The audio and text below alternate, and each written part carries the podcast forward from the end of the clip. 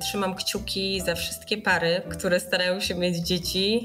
Mogę złożyć obietnicę tu na antenie, że, że będę robić wszystko, aby, aby technologie powstałe w Mim Solutions właśnie pomogły wszystkim Wam, którzy, którzy, że tak powiem, jeszcze jesteście na tym ringu i, i cały czas przyjmujecie ciosy.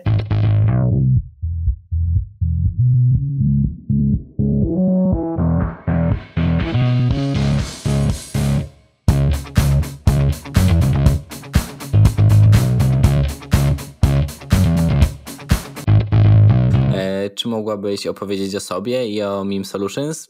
W takich prostych słowach, czym się zajmujecie? Mm, no jasne, zawsze staram się. E, w ogóle dzień dobry wszystkim. Cześć e, i Zawsze, Cześć, tak. E, cześć, cześć wszystkim, bardzo mi miło. Mam na imię Ula, Ula Sankowska. Zawsze staram się mówić prostym, prostym językiem, ale nie dlatego, że nie, e, nie szanuję absolutnie, wręcz przeciwnie e, mojego rozmówcy, tylko właśnie wydaje mi się, że, e, że właśnie dlatego, że szanuję i, i w jakimś sensie próbuję do niego, zawsze stawiam się jakby po stronie rozmówcy i, i myślę sobie, czy, czy on mnie rozumie, czy nie. Wydaje mi się, że właśnie używając prostego języka mam szansę, mam szansę być zrozumianą. No więc tak, krótko się przedstawię, może kilka słów e, powiem o sobie. Jestem, jestem warszawianką. E, jestem, e, jestem założycielką, współzałożycielką, może tak powiem, firmy Mim Solutions. Inni współzałożyciele to jest Piotr Wygocki i Piotr Sankowski. Dzisiaj z Piotrem Wygockim bardzo prężnie, wydaje mi się, rozwijamy MIM Solutions w kierunku, aby stać się takim naprawdę wyjątkowym polskim e, deep techiem, medtechem, tak, na, na mapie, można powiedzieć, e, na mapie światowej, globalnej. Mm, jeszcze dodam może kilka słów o moim backgroundzie, czy moim takim właśnie skąd się w ogóle tak jakby wzięłam w branży, w branży tak naprawdę IT, e, sztucznej inteligencji, e, uczenia maszynowego. E, jestem tak naprawdę ekonomistką i ukończyłam szkołę główną handlową, ukończyłam też studia w Irlandii na UCT College Dublin. Studiowałam też w Niemczech, w Saarbrücken. I tak naprawdę pół życia przepracowałam w różnych dużych organizacjach w firmach, ale też pracowałam e, na przykład w ambasadzie polskiej w Rzymie. Otarłam się administrację publiczną. E, większość raczej mojej kariery zawodowej spędziłam za granicą. Od razu po zakończeniu studiów praktycznie wyjechałam. Pracowałam w Irlandii, we Włoszech, Niemczech, w Belgii. Mm, I, I tak się zdarzyło, że że w końcu zaszłam w, w dosyć, wydaje mi się, nadal w późnym wieku w, zaszłam w ciążę i to był jakby taki trigger do powrotu do Polski. Chciałam, żeby moje dzieci urodziły się w Polsce, żeby e, dziadkowie mogli być dziadkami. E, I, I to spowodowało, że, że właśnie wróciłam do rodziny tutaj na łono, że tak powiem, tutaj mojej warszawskiej rodziny. I e, w 2015 roku E, tak naprawdę e, mój mąż Piotr Senkowski z, z, można powiedzieć, z kolegą z Wydziału MIM, e, stąd pochodzi nazwa firmy w ogóle. Wydział to jest Uniwersytetu Warszawskiego, matematyka, informatyka i mechanika. Je, yeah, to jest najlepszy wydział w Polsce, słuchajcie. Właśnie tak nie skojarzyłam tego wcześniej, ale teraz to wszystko no. ma sens. Tak, łączy się w całość, prawda? Skąd to to MIM? Już teraz mówimy o sobie nawet MIM. E, w każdym razie mm, oni w 2015 roku założyli MIM Solutions. E, to tak naprawdę powstało z, z, zostało założone przez nich, ale jakby firma, firma zgromadziła e, kilku naprawdę fantastycznych algorytmików z Wydziału MIM, którzy już byli trochę może zmęczeni nauką, a chcieli komercjalizować wiedzę i wejść trochę w świat e, praktyczny i świat biznesu. I tak właśnie e, zrodził się, zrodziło się MIM Solutions. Ja do Meme Solutions dołączyłam w roku 2019 czyli już kilka lat po powstaniu i no i jestem, jestem w firmie do dzisiaj i no i staram się razem obecnie z Piotrem Wygockim e, rozwijać MIM e, i, i, i wspierać nasze zespoły. Wydaje mi się, że wszystko wygląda na to, że idziemy w bardzo fajnym i dobrym kierunku. Nie wiem, może opowiem coś o samym MIM Solutions, tak? Bo tak, mm, tak. wydaje mi się, że to wymaga pewnie wyjaśnienia.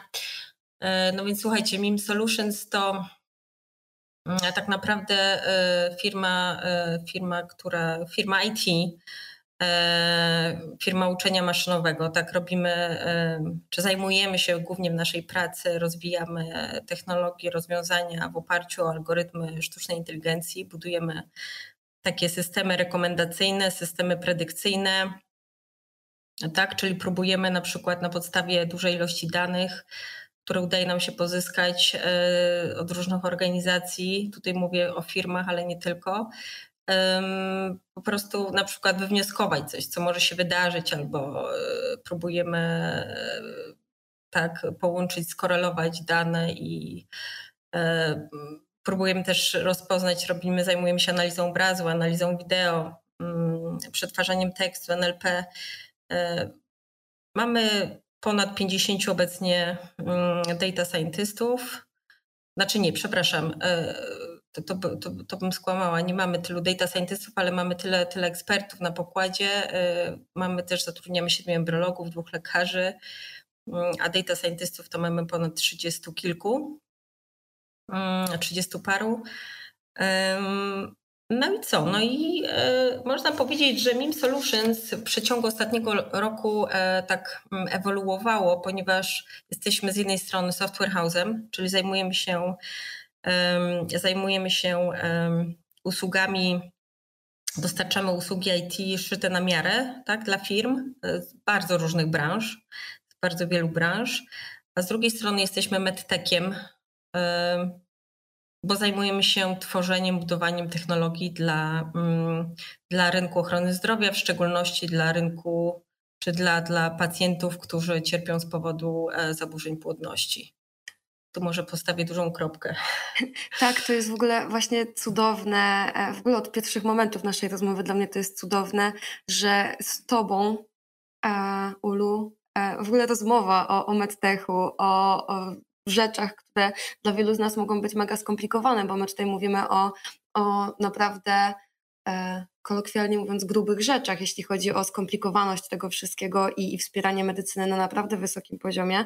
E, z Tobą to jest łatwiejsze, wydaje mi się, do, do zrozumienia w ogóle, więc za to też mhm. mega dziękuję też w imieniu słuchaczy, bo, e, bo naprawdę jest to niesamowite, że są po pierwsze ludzie, którzy robią takie rzeczy, a po drugie są ludzie, którzy przybliżają te rzeczy do normalnego człowieka, że tak powiem w cudzysłowie, do normalnego człowieka. No i właśnie ten odłam e, Meme Solutions pod kątem e, wspierania e, medtechu i jego no bycia medtechem. E, mieliście w swojej historii takie dwa przełomowe produkty mogę się mylić lub nie, ale chyba się nie mylę. E, I jakbyś mogła nam nie przybliżyć właśnie, na czym polegał ten przełom, czy, czym one były i e, też jakby jak to się wszystko zaczęło z tym przełomem mimu e, mhm. po tym wszystkim i jakby właśnie Jasne. też z tym ukierunkowaniem. No tak, będę się starała być, że tak powiem, bardzo skrótowo wszystko opowiedzieć, pewnie, bo pewnie. pewnie by nam to zajęło cały, cały czas, który mam tutaj do wykorzystania na antenie. Jakbym miała trochę więcej o tym opowiedzieć, e, ale oczywiście, no, e, rzeczywiście dzisiaj NIM e, Solutions rozwija systemy tak, analityczno-predykcyjne i rekomendacyjne dla, dla rynku, czy jak mówię dla rynku, to w sumie zawsze myślę, mam z tyłu głowy pacjenta, tak, dla pacjentów, którzy podchodzą pod procedurę in vitro tak? czyli procedura in vitro, czyli sztuczne zapłodnienie. Jest, są to ludzie, którzy generalnie generalnie cierpią z powodu zaburzeń płodności i generalnie płodność jest określana jako tak z definicji, tak jak ktoś sobie wejdzie w Wikipedię, to się dowie, że jak para stara się mniej więcej 12 miesięcy o dziecko i po 12 miesiącach tego dziecka po prostu nie ma, to znaczy, że jest jakiś problem, tak? I powinna się wtedy taka para udać do, do, do, do specjalisty, e, tak, do, do, najczęściej są to kliniki, centra leczenia niepłodności i, i tam, e, tam e, uzyskać, uzyskać po prostu tą właściwą pomoc. Ja może zacznę od, od tego, że dlaczego my w ogóle zajęliśmy się tym opracowaniem technologii dla, dla ludzi cierpiących właśnie na, na zaburzenia płodności. Tak naprawdę e, historia jest banalna, można tak powiedzieć, albo, albo pomysł był naturalny, bo pomysł przyszedł po prostu e, e, z moich własnych doświadczeń, mm, którymi no, tutaj może nie będę się dzieliła na antenie w, szczegółach, ale w każdym razie jestem sama byłą pacjentką e, klinik, wielu klinik tak naprawdę e, europejskich. E, bardzo długo starałam się o, o dzieci. Jakby wiem, przez co, przez co przechodzą pacjenci, bardzo dobrze rozumiem jakby położenie, położenie i, i kobiet, i położenie w ogóle par, tak, które, które po prostu zmagają się z tym problemem nazwać chociażby, nie wiem, poczucie frustracji czy, czy takiej niemocy, jakby depresja, tak, bardzo często temu towarzyszy jakieś wahania nastrojów. To są tylko takie jedne z, z takich no naprawdę niewielu aspektów, które, które temu towarzyszą.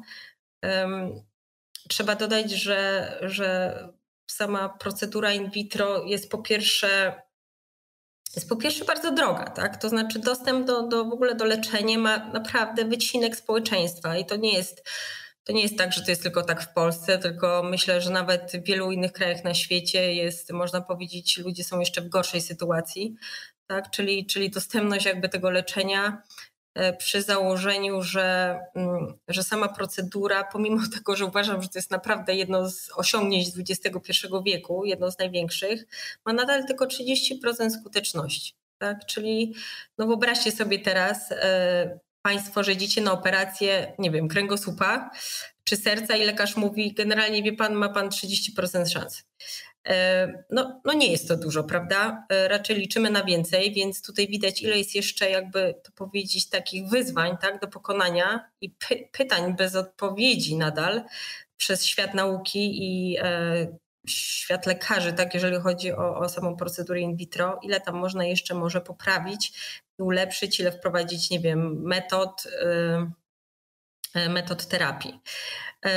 No więc jakby z tyłu głowy mając jakby to, ten cały, tą całą moją zdobyte to doświadczenie yy, i kiedy poznałam tak naprawdę, co to znaczy sztuczna inteligencja, czym tak naprawdę ta branża się zajmuje, jaki ma szalony potencjał, tak, który niesie ze sobą, yy, postanowiłam tak naprawdę działać, tak? To znaczy działać na rzecz właśnie ludzi, którzy, którzy są, w, są nadal w tej sytuacji, w której ja kiedyś byłam. U mnie na szczęście zakończyło się to happy endem. Ja mam dzisiaj dwoje zdrowych dzieci. No ale, ale tak jakby mój taki dług do spłacenia, nie wiem jak to powiedzieć nawet, e, takie poczucie, że, że właśnie chcę, chcę oddać jakby nauce, tak, zwrócić coś, co mogę też zrobić dla innych ludzi, no dało mi ten, dało mi to takiego kopa niesamowitego do działania i do przestawienia, można powiedzieć, praktycznie obecnie dzisiaj prawie całej firmy na, na to, żeby, żeby e, ludzie, którzy się świetnie znają, naprawdę są świetnymi ekspertami e, w budowaniu takich systemów. Są to bardzo mądrzy ludzie, zajęli się, zajęli się właśnie mm, budowaniem rozwiązań czy tych technologii dla, dla lekarzy, embryologów, którzy faktycznie korzystając z tych rozwiązań są w stanie podwyższyć, jesteśmy w stanie podwyższyć skuteczność metody in vitro i zmniejszyć jej koszty. Tak? Czyli to jest tak naprawdę teraz cel i misja MIM Solutions. I tych ludzi takich w potrzebie, można powiedzieć, na świecie jest według statystyk 300 milionów. Tak, to jest olbrzymia ilość ludzi. Wydaje mi się, że jeszcze wiele jest, że tak powiem, par, które no nie zidentyfikowały tego problemu albo po prostu nie brały udziału w tych statystykach. Ale mogę tylko powiedzieć, że rocznie 10% par, odsetek rocznie rośnie, tak, które, które się zmagają z tym problemem. Więc jakby no, zapotrzebowanie jest olbrzymie, lekarzy brakuje. Nie mówię teraz o Polsce, tylko mówię tak globalnie o, o globalnym rynku e, leczenia płodności. Mm, no więc wydaje się, że, że takie mm, rozwiązania, y, które wprowadzą, y, ułatwią y, pracę lekarzowi, sprawią, że on po prostu będzie robił coś szybciej, że będzie, mm, można to powiedzieć, wyręczony przez maszynę. I ta maszyna zrobi to nawet czasami trochę lepiej niż on, niż ten lekarz człowiek, wydaje się to po prostu no, no nie, nieodzowne do, do, tego, do, do, do tej rewolucji, tak? czy ewolucji po prostu całego rynku, rynku leczenia e, zaburzeń płodności. Chyba nie doszłam w ogóle jeszcze mojej wypowiedzi do tych technologii. Takie mam teraz wrażenie, więc ewentualnie wytnijcie coś, proszę. W każdym razie to teraz może przejdę, co my w Mi Solutions, czym my się zajęliśmy. Tak naprawdę mamy dwa e, takie systemy zbudowaliśmy w oparciu o image recognition, takie algorytmy, które e, zajmują się rozpoznawaniem e, obrazu, wideo i robią to lepiej niż człowiek. Zaraz Wam wytłumaczę dlaczego. Mm, więc tak, pierwszy system to nazywa się, może zacznę od Embro 8 E, czyli tak naprawdę pomoc dla zarodka albo tak naprawdę pomoc dla embryologa. To jest, to jest taki system, który e, potrafi rozpoznawać E, tylko patrząc na jeden, e, na jeden obrazek, na jedno zdjęcie zarodka, potrafi e, powiedzieć, czy ten zarodek ma, jaką ma szansę na danie zdrowej ciąży, tak? Czy, czy z tego powstanie będzie ciąża, czy nie będzie tej ciąży. Tak naprawdę jego potencjał taki implantacyjny. To się tak mówi troszkę w żargonie, że tak powiem, tutaj embryologicznym. Dzisiaj w każdej klinice E, na świecie lub większości, może tak powiem, e, takiego, taki wybór zarodka do podania przy transferze dla pacjentki dokonuje embriolog. On dokonuje tego na podstawie swojego własnego doświadczenia i tak naprawdę subiektywnej oceny dokonuje tego zarodka poprzez po prostu patrzenie, jak ten zarodek się rozwija w przeciągu, nie wiem, pięciu dni, tak, do jak on się rozwinie E, będzie na tyle dojrzały, żeby można go było podać e, pacjentce. E, I wiecie, no i wydaje mi się, że hmm, wiemy wszyscy, że wszyscy jesteśmy różni, że mamy różne doświadczenie, mamy różne dni. Każdy człowiek może być kiedyś wyspany bądź nie, bądź może mu się spieszyć, na przykład, żeby odebrać dziecko z przedszkola. I, i embryolog też jest tylko człowiekiem, tak? I on dokonuje po prostu właśnie tego wyboru e, bardzo czasami różnych okolicznościach, tak? I e, wydaje nam się, że albo wręcz jesteśmy pewni, że wystandaryzowanie takiej oceny jakości zarodka przez, e, przez sztuczną inteligencję będzie niosło niesamowitą wartość, tak? Dla pacjenta przede wszystkim, i też dla tego embryologa, który po prostu e, dzisiaj musi patrzeć codziennie na ten zarodek i obserwować, jak on się rozwija.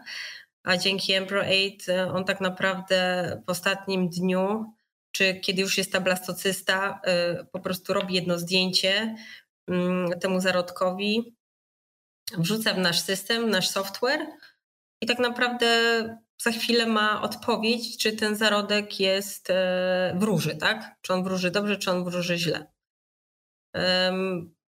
Przy każdym cyklu e, pacjentce pobiera się kilka tych jajeczek i e, później dokonuje się tej, te, tego zapłodnienia, więc tych zarodków jest przeważnie kilka bądź kilkanaście, to zależy tutaj, jak jest rynek uregulowany. W Polsce jest to tam dosyć mocno uregulowane, ale na przykład w Stanach, gdzie można po prostu pobierać dużo więcej tych, e, mm, tych jajeczek, tych zarodków jest dużo, dużo więcej, no i na przykład, no nie wiem, jak mamy wybrać z 12 zarodków ten jeden, tak, ten najlepszy, e, to naprawdę jest to duże wyzwanie, tak, e, bo wiemy, że że po testach, które zrobiliśmy z embrologami, że ta skuteczność wyboru tak, embrologa waha się tak mniej więcej 63% skuteczności, tak? Czyli on, on de facto, no żaden człowiek nie jest w stanie wybrać na 100%, nawet na 90 czy 80% dobrego zarodka, tak? który, który właśnie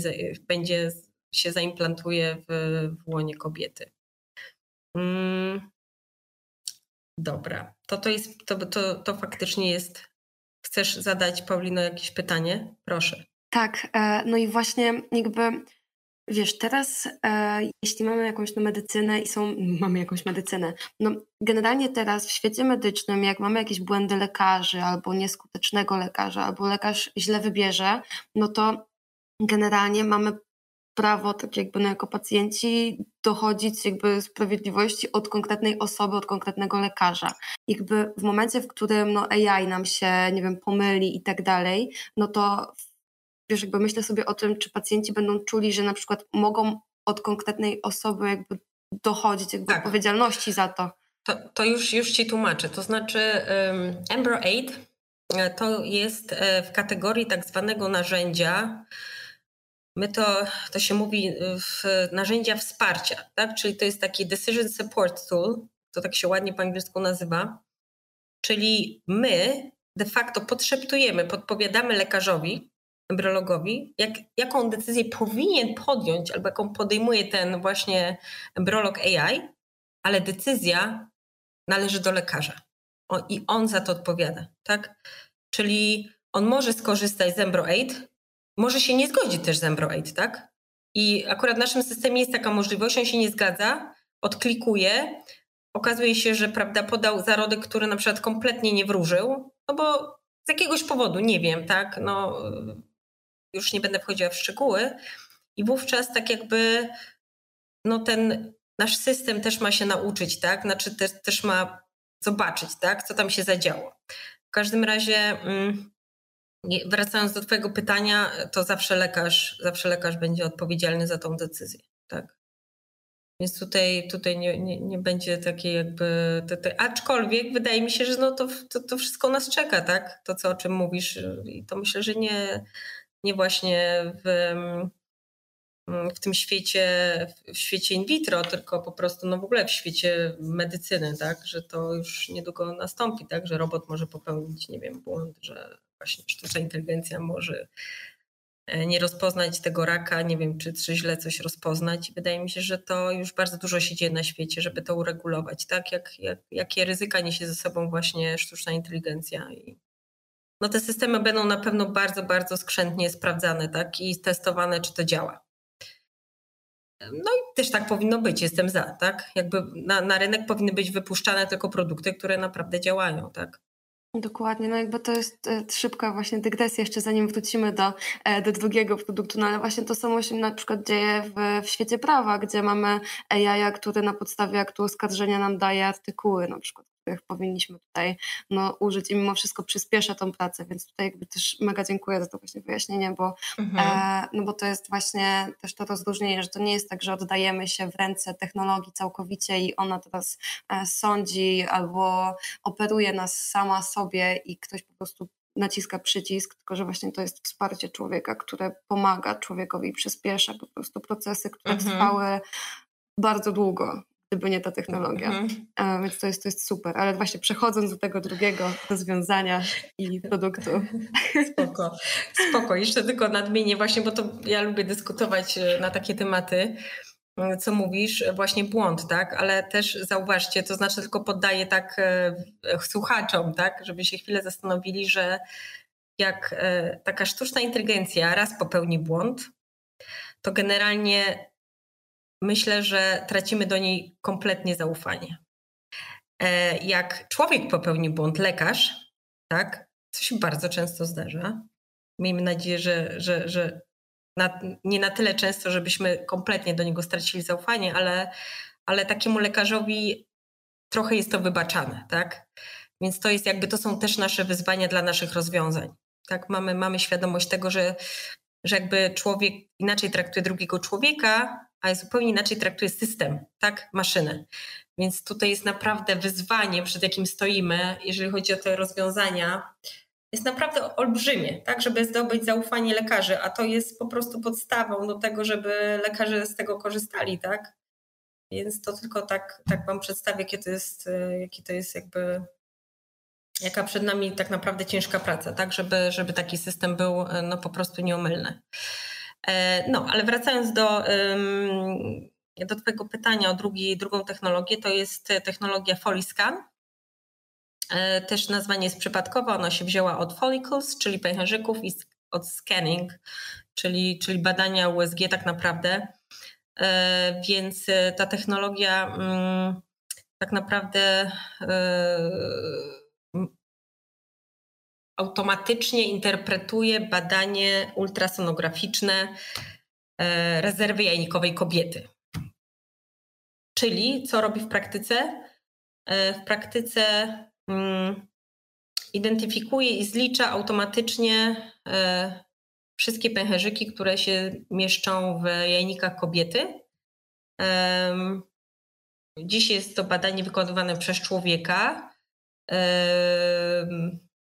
Jest to badanie dosyć żmudne y, i też często powtarzane, podczas całej procedury in vitro, ponieważ e, służy ono najpierw do e, określenia płodności kobiety, e, żeby nadać odpowiedni ton i bieg stymulacji hormonalnej po, po pierwszym badaniu, a później po zażyciu przez pacjentkę właśnie zażywaniu tych leków, tak lekarze muszą sprawdzać e, co kilka dni, jak, e, jak te pęcherzyki właśnie, pęcherzyki rosną w jajnikach, tak jak dynamicznie się tam rozwijają, żeby później w ostatnim dniu tej stymulacji, tak zwanym trigger date, czy pick-up, podczas pick-upu je pobrać, pobrać ten materiał od, od pacjentki i, prawda, i, i zapłodnić. Mm, więc Foliscan to tak naprawdę e, coś, co, znaczy system, też software, który, który ma lekarza wyręczyć w, tej, w tym żmudnym, e, powtarzalnym badaniu. Po pierwsze, a po drugie jest to e, software, który niesie ze sobą jeszcze inną wartość, a mianowicie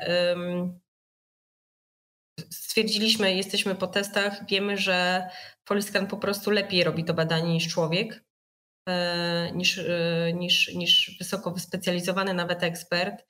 E, tutaj pracujemy nad tym rozwiązaniem z kliniką, jedną z największych sieci klinik w Polsce, Invictą. I tutaj żeśmy najpierw pracowali z, z położnymi z Invicty. One anotowały nasze filmy wideo gdzie były właśnie zarejestrowane jajniki z tymi pęcherzykami. Mm, I e, jakby skutkiem czy rezultatem właśnie tych testów było to, że e, mniej więcej, nie wiem, tak 30% pęcherzyków, które się mieszczą właśnie w jajnikach, e, były przeważnie omijane przez, przez człowieka, tak, w tym badaniu. Czyli nasz foliskan, można powiedzieć, wykrywa ich dużo, dużo więcej. E, dzięki temu jest bardziej, no, bardziej e, dokładny. Bardziej dokładne jest po prostu to badanie. E, więc ponieważ jest bardziej dokładnie zrobione i mamy dokładniejszy wynik, jesteśmy w stanie dobrać lepszą terapię hormonalną tak, dla pacjentki. To jest taka, taka pierwsza duża wartość, którą niesie ze sobą Foliscan, a druga to jest to, że tak naprawdę Teraz e, to badanie będzie mogła, znaczy z pomocą foliskanu może wykonać e, osoba, która nie jest e, wysoko wyspecjalizowanym ekspertem. Tak? Czyli, czyli przenosimy w jakimś sensie tą wiedzę do rąk kogoś, kto po prostu jest osobą, na przykład ma taką rolę wspierającą. Tak? Może, może być to chociażby pielęgniarka, tak, która może wykonać to badanie na przykład takim kieszonkowym USG czy, czy w domu pacjentki, albo w ogóle może być to badanie przeniesione z kliniki in vitro do gabinetów ginekologicznych, e, w których po prostu ginekolog, tak, e, ginekolog e, może dokonać, będzie mógł dokonać takiego badania i po prostu przesłać, przesłać wyniki tego badania do kliniki in vitro, gdzie ta pacjentka będzie na przykład przyszłościowo leczona. Tak? Więc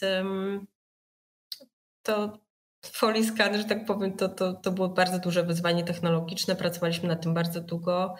Po dwóch lat 20 osób było w to zaangażowanych. Jeden duży interdyscyplinarny zespół tak naprawdę y, data scientystów i lekarzy. No ale wydaje się, że, że udało, nam się, y, udało nam się dowieść tą wartość i obecnie Foliscan jest testowany, mm, testowany w, w tak, w klinice Invicta i szykujemy się pod kolejne testy prospektywne w klinikach w Wielkiej Brytanii, e, w, we Francji i w Belgii. Ogromne wrażenie, w sensie ja w ogóle jestem tutaj na zmianę wzruszona i, i po prostu poruszona i jakby zaszokowana, bo z jednej strony wiedziałam, o czym będziemy rozmawiać, z drugiej strony to jest jedno wielkie wow. Tak, tutaj postawię kropkę w mojej reakcji na już e, i, i oddam głos Filipowi, bo się zrobiło nam bardzo kobieco. E, a teraz czas na, na trochę, trochę innego świata.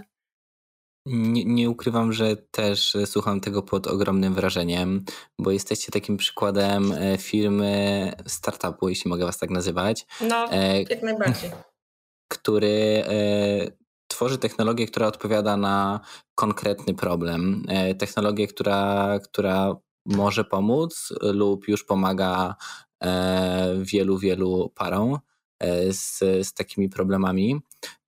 Powiedz mi proszę, żeby to jakoś zobrazować, e, jak wygląda skuteczność Waszych rozwiązań e, w porównaniu z, ze skutecznością specjalistów e, w mhm. tych dziedzinach? Jasne. Dzięki za to pytanie. To bardzo dobre pytanie, bo tak naprawdę, no właśnie, naszą misją jest to, żeby przynieść tą wartość, tak? To znaczy, nie budujemy tych rozwiązań po prostu dla, samej, dla samego fanu, czy po prostu podjęcia jakiegoś wyzwania, tak? Takiego badawczo badawczo-naukowego, tylko po prostu chcemy, chcemy naprawdę y, skomercjalizować coś, co y, konkretnie będzie się przekładało na polepszenie y, standardów leczenia, tak? leczenia, leczenia tych pacjentów, no po prostu leczenia ludzi, którzy chcą mieć dzieci, tak? I którzy ich nie, z jakiegoś powodu mieć nie mogą, albo mają z tym problem. I tak, jeżeli chodzi o EmbryoAid, robiliśmy testy, z embryologami. Tak naprawdę stworzyliśmy taką aplikację takiego Tindera, nazywamy to Tinder, żeby się to dobrze kojarzyło, mm, gdzie mieliśmy 150 par zarodków, tak, czyli i daliśmy tego Tindera w ręce embryologów i poprosiliśmy ich, żeby oceniali te 150 par zarodków, tak lewo, prawo, lewo, prawo, który zarodek ich zdaniem da ciążę, a który nie da. Tak, i tego samego Tindera żeśmy wrzucili w e, EmbryoAid E, I z tych testów wyniknęło, że e, nasz, e, nasz EmbryoAid jest 5% lepiej, ma lepszą skuteczność, jeżeli chodzi o cenę zarodków, które dadzą ciążę, tak, bądź nie dadzą. Więc widzimy, że raz, że po prostu już to niesie ze sobą wartość, a poza tym wyobraźcie sobie sytuację, w której na przykład teraz każda klinika na świecie może mieć takiego, no takiego embryologa AI, tak? Takiego wyspecjalizowanego i ona tak jakby już, no już coś, możemy coś wystandaryzować, tak? Czyli możemy mieć naprawdę super embryologa super doświadczeniem, można powiedzieć, bo to jest embryolog, który uczył się na tysiącach, tysiącach przypadków i obejrzał tysiące, jak setki tysięcy tych, e, tych, tych zarodków, tak? No to, to jest dla mnie, dla mnie ja, ja siedzę w tym, prawda, w tym temacie od lat. E, jest to dla mnie nadal, ja się tym fascynuję i dla mnie to jest niesamowite, że w jakimś sensie my zebraliśmy wiedzę tych wszystkich embryologów, bo my uczyliśmy nasze, mm, nasze algorytmy na danych historycznych, czyli wiedzieliśmy, które zarodki po prostu dały ciążę, a które tej ciąży nie dały, tak? I więc tak jakby już nasz algorytm wiedział, wiedział na czym, które zarodki są te lepsze, a które są powiedzmy E, no nie chcę użyć tego słowa gorsze, bo pewnie nie ma, bo czasami nawet zarodek, który bardzo źle wróży, może dać zdrową ciążę, też o tym wiemy. Więc de facto mm, e, no jest to w jakimś sensie no, niesamowite, że, że Embro 8 może pozwoli wystandaryzować tą usługę, tak? To znaczy wystandaryzować właśnie tę ocenę. E, jeżeli chodzi o Foliscan, sprawa jest bardziej skomplikowana, E, bo my cały czas się poruszamy, wiecie, w świecie liczb, w świecie statystyk, mm, jaka jest szansa, tak, statystyczna na ciążę. I teraz słuchajcie, generalnie ta szansa składa się z wielu, wielu innych pomniejszych szans, tak. E, statystycznie szansa, jeżeli chodzi po, po stronie zarodka, to jest, że zarodek jest mniej więcej w 60% odpowiedzialny za za ciążę, tak? Sam zarodek, ale jest jeszcze, słuchajcie, strona kobiety, tak? Nawet jakbyśmy mieli no, najlepszy zarodek świata, a po stronie kobiety byłby po prostu jakiś problem, to i tak nie będziemy mieli tej ciąży, nie uzyskamy, tak? I teraz jak mnie pytasz o Foliscan, to ja mogę, jestem w stanie z pełną odpowiedzialnością powiedzieć, że Foliscan e, że dokładność Foliscanu obecnie, jak mierzyliśmy, wynosi 93%, tak? czyli jesteśmy w stanie rozpoznać w 93% e, wszystkie zarodki, e, wszystkie pęcherzyki. E, to potrafimy, to potrafimy, tak? Potrafimy je dobrze zliczyć i rozpoznać. I teraz pracujemy nad Mamy jakby w ramach projektu Foliscan e, chcemy jeszcze umieć przewidzieć e, datę tego, tego triggeru, tak? czyli tego, mm, tego, tego, tego dnia pobrania, bo um, wiemy, są publikacje na świecie, które mówią, że e, w zależności kiedy pobierzemy ten materiał, te jajeczka, um, możemy uzyskać więcej blastocyst, tak? czyli więcej tych dojrzałych e, komórek.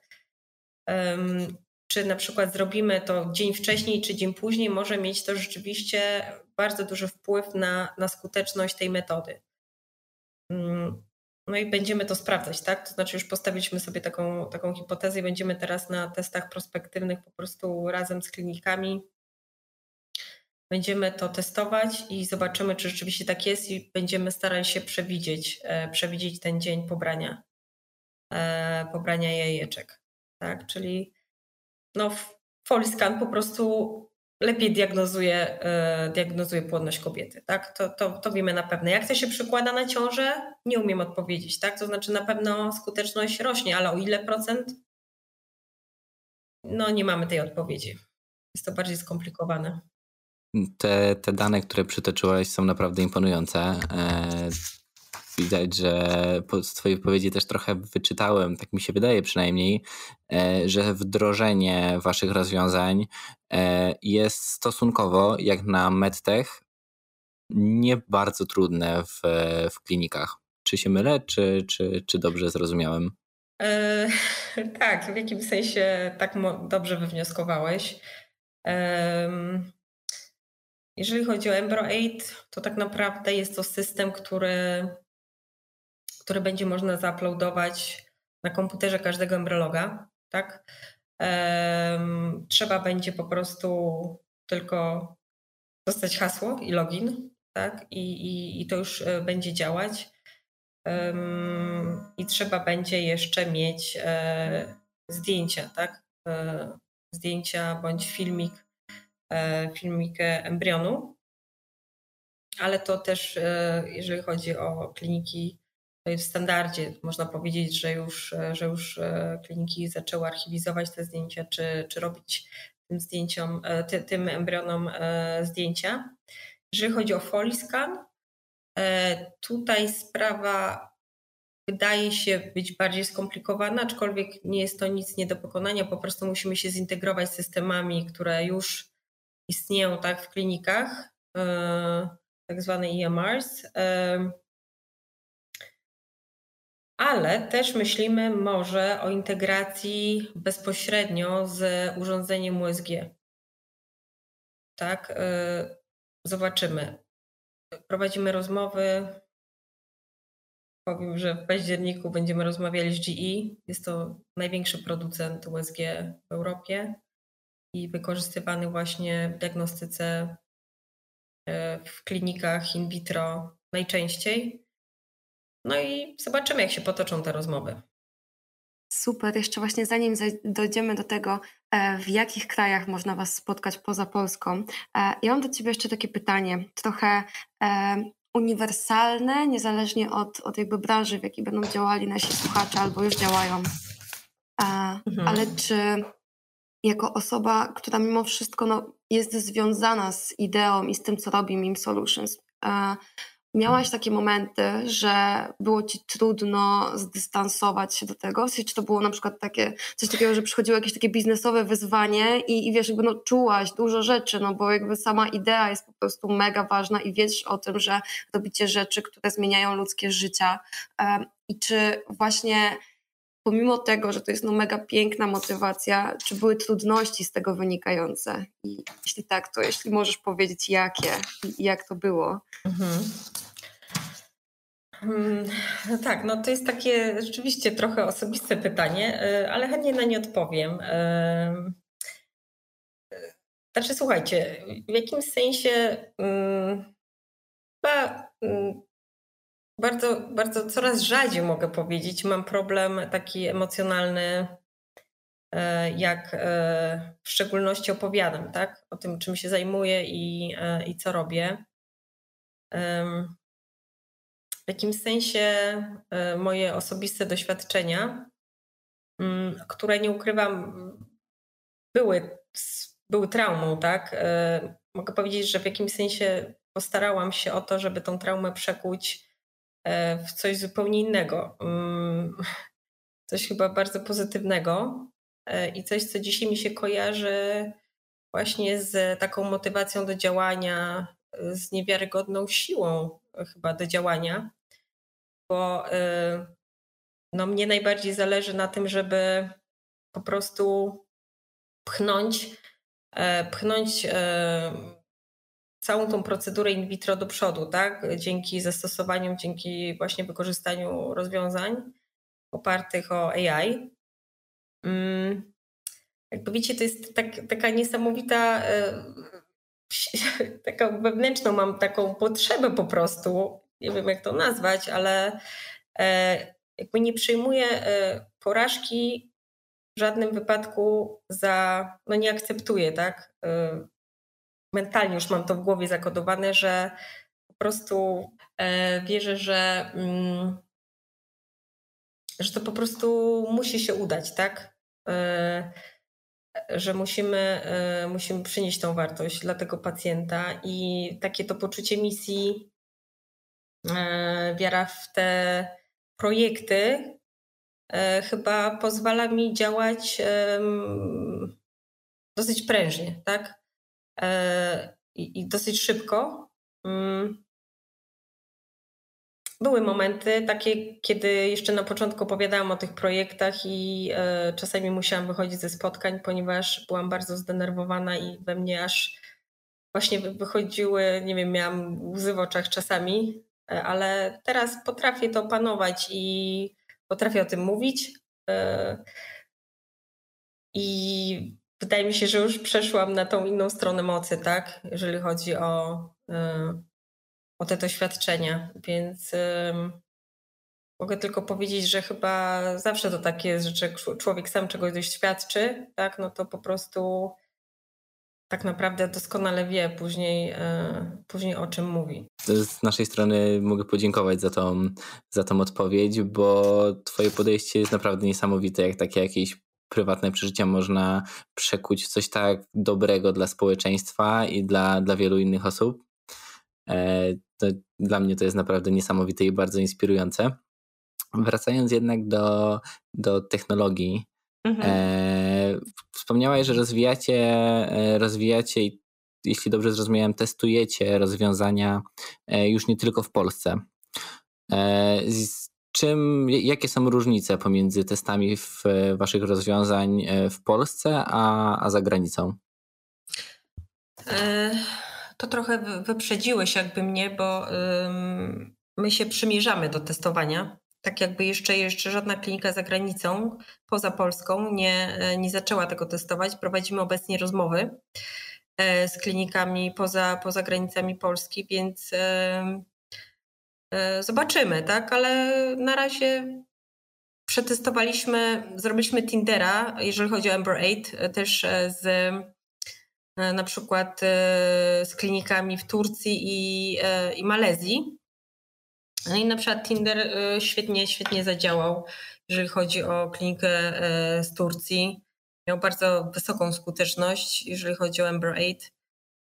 Więc um, tak naprawdę to zależy od jakości danych, tak? od jakości zdjęć, jakie, jakie um, pokazujemy um, naszemu software'owi Ember 8. Tak, jeżeli one są bardzo dobre, to Ember 8 też bardzo dobrze potrafi ocenić E, potrafi ocenić jakość zarodka. Jeżeli te zdjęcia są rozmyte, niewyraźne, można tak powiedzieć, że tak jak człowiek, tak? E, tak jak ty byś oglądał zdjęcia, też by było ci trudniej je ocenić, tak? I dokładnie się to samo dzieje z naszą sztuczną inteligencją. Ona też wtedy jakby spada jakość tej oceny. Jasne. E, powoli chyba musimy zmierzać do końca. Mhm. E, więc może, może jeszcze takie jedno pytanie o przyszłość. E, zauważy, gdzieś mi się przewinęło w niektórych wywiadach ostatnio, których, których udzieliłaś, e, że szukacie, że szukacie finansowania. Mhm. Jakie, jakie związane z tym macie plany na, na najbliższe lata? Mhm. E, no tak, jesteśmy, jesteśmy obecnie w takiej fazie, fazie komercjalizacji. Można powiedzieć, wchodzimy fazę komercjalizacji naszych rozwiązań i tutaj bardzo przydałoby się wsparcie e, finansowe, ale nie tylko, też merytoryczne. Tak? Szukamy takiego partnera e, strategicznego, który właśnie mógłby nam to zaoferować, zaproponować. Mm, czyli tak naprawdę partnera z rynku e, ochrony zdrowia, mm, który by podziałał na nas tak trochę jak taka trampolina, tak? Żebyśmy mogli się wyskalować po prostu e, na cały świat. Wydaje mi się, że to jest nieodzowne. Mm. No, generalnie myślimy, myślimy, żeby e, w dłuższej perspektywie e, rozwijać, patrzeć na procedurę in vitro, in vitro w takim bardzo szerokim spektrum, tak i budować, obudowywać tak naprawdę całą tą procedurę E, rozwiązaniami podobnymi do Embro 8 i Foliscan. Tak? To znaczy tam jest jeszcze dużo innych faz, czy, czy można powiedzieć etapów, które, które wydaje nam się, że sztuczna inteligencja mogłaby bardzo się przyczynić do poprawienia po prostu e, spersonalizowania chociażby leczenia, do tego, żeby na przykład e, poprawić stymulację pacjentce. Także no nie, nie zatrzymujemy się na Embro 80 Foliscan. E, wydaje mi się, że będziemy właśnie próbowali roz, rozbudować e, kolejne systemy, a w fazie końcowej je wszystkie połączyć, bo cały czas jakby mówimy, prawda, to jest jedna terapia, jeden człowiek, jeden cel, tak? Ten, tym celem jest urodzenie po prostu zdrowego dziecka, zdrowa ciąża. I będziemy próbowali wszystkie te ze sobą połączyć jako jeden organizm te rozwiązania i e, zbudować taką platformę inteligentną, którą będziemy oferować wówczas klinikom e, in vitro, w ogóle takim centrum wspierania e, ludzi z problemami zaburzeń na całym świecie, tak? Więc to jest jakby cel, cel gdzie, dokąd zmierzamy. Cudownie. I, I tego Wam życzymy i, i mam nadzieję, że już niedługo jeszcze więcej usłyszymy o Was, e, bo mam nadzieję, że zrobi się o Was głośno.